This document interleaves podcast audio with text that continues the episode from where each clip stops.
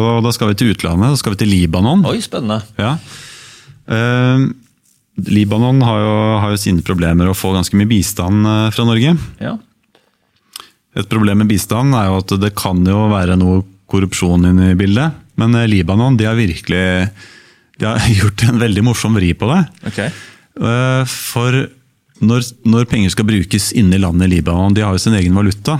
Så når vi kommer med våre kroner, eller våre dollar, må det veksles over i lokal valuta. Og da var det noen, eh, noen finansakrobater i den libanesiske staten som fant på at eh, når vi skal veksle våre penger inn, så må vi gjøre det i en helt annen valutakurs. Og det her, er- det her må man, Du har veldig smarte lyttere, så jeg regner med at lytterne følger med nå og så tenker seg litt om. fordi La oss si at det har vært tilfellet her i Norge. At vi trengte desperat bistand fra USA. Ja. Akkurat nå koster én dollar ca. ti kroner. Men hvis, hvis den norske staten da finner på at ja, men eh, når, hvis amerikanerne skal veksle til seg kroner, så må de veksle dollaren én til én i norske kroner. Får de inn en eh, milliard dollar, og amerikanerne får da en milliard kroner som de kan bruke her. Da kan jo de, de i Finansdepartementet som har ansvar for den vekslingsregimet, da kan jo de snu seg og selge den ene milliarden dollar og få, få ti ganger så mye tilbake. Så det her er jo sånn fantastisk system som en del sånne bananrepublikker har for å bare tyne utlendinger for penger. Og du kan jo sette hvilken valutakurs som helst som gjør at du kan, du kan ta 50% av pengene, du kan ta 90% av pengene. Nord-Korea har det sånn, Venezuela har det sånn, og tydeligvis Libanon også. Men det at Altså, vi, vi kommer jo her til Libanon for å være snille og greie mot de. Men det at vi godtar at halvparten av pengene skal bare forsvinne til byråkratiet i Finansdepartementet som lurer oss med, med, med en sånn tullevalutakurs.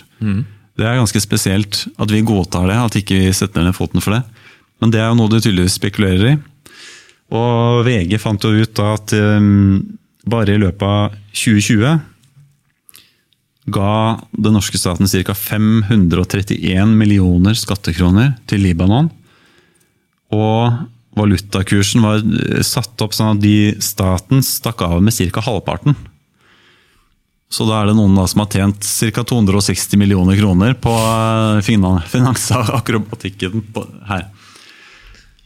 Og det er jo klart at på den halvparten som er igjen, som egentlig skal gå til øh, flyktningleirer og sånne ting, der er jo fortsatt syrere som er i flyktningleirer i Libanon.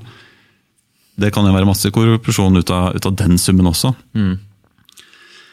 Eh, og så, Det her er jo så klart noe den norske ambassaden skjønte og så problemet med. Men tror du de prøvde å kjempe for å få en rettferdig valutakurs for å hjelpe folk i Libanon? Nei. Det de var mest bekymra for, er at det her kunne gi et omdømmetap for den norske bistanden. Og Hvis noen fikk høre om det her, da kunne jo noen tro at den norske bistanden ikke hjalp. At den ikke er effektiv, for det har vi jo eh, erfart at den er jo 100% effektiv. Ja. Selv om de kjente til problemet, og selv om de skjønte at minst halvparten forsvant i korrupsjon, så var det omdømmetapet. Det var ikke bekymring for at eh, folk i flyktningleiren ikke fikk mat og pledd. Det var omdømmetapet for Norge sin del. Det er jo helt avsindig. Og bare som få seg til å si det. Altså, jeg vet ikke hvor det, hvor det omdømmetap-sitatet dukker opp, men det er VG som bruker det, eller?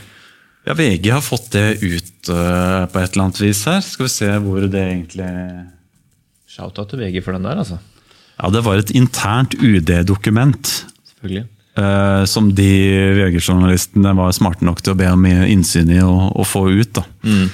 Som heldig, heldigvis norske, norske systemet er ganske bra med det å få informasjon ut. Eh, Så, så det var hyggelig av UD å ikke makulere det dokumentet i siste liten.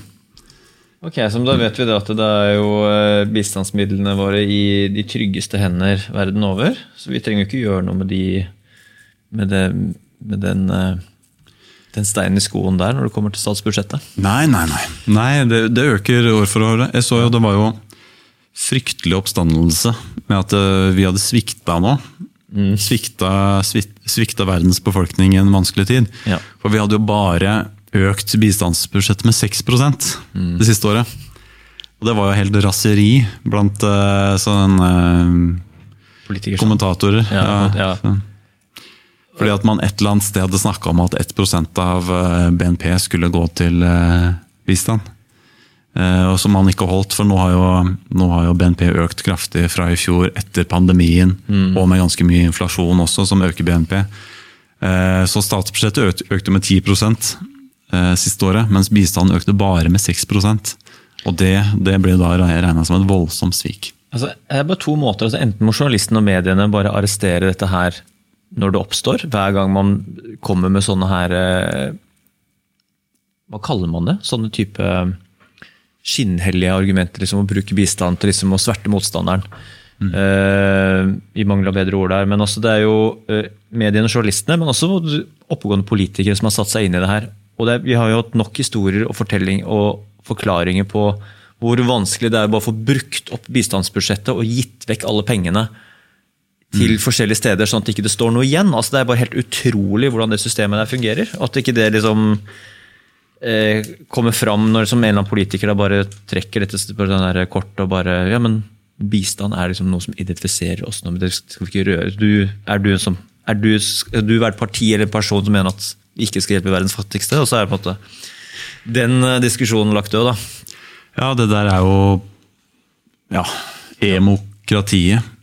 Men man hører det hele tida fra Med en gang en sånn gammel ambassadør eller en eh, bistandstopp har pensjonert seg, så skriver Så han det. Så kommer det.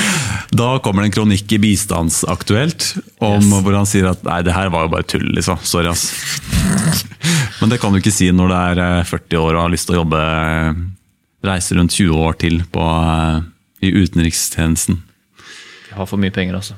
Vi har så jævlig mye for mye penger. Ok, nok om det.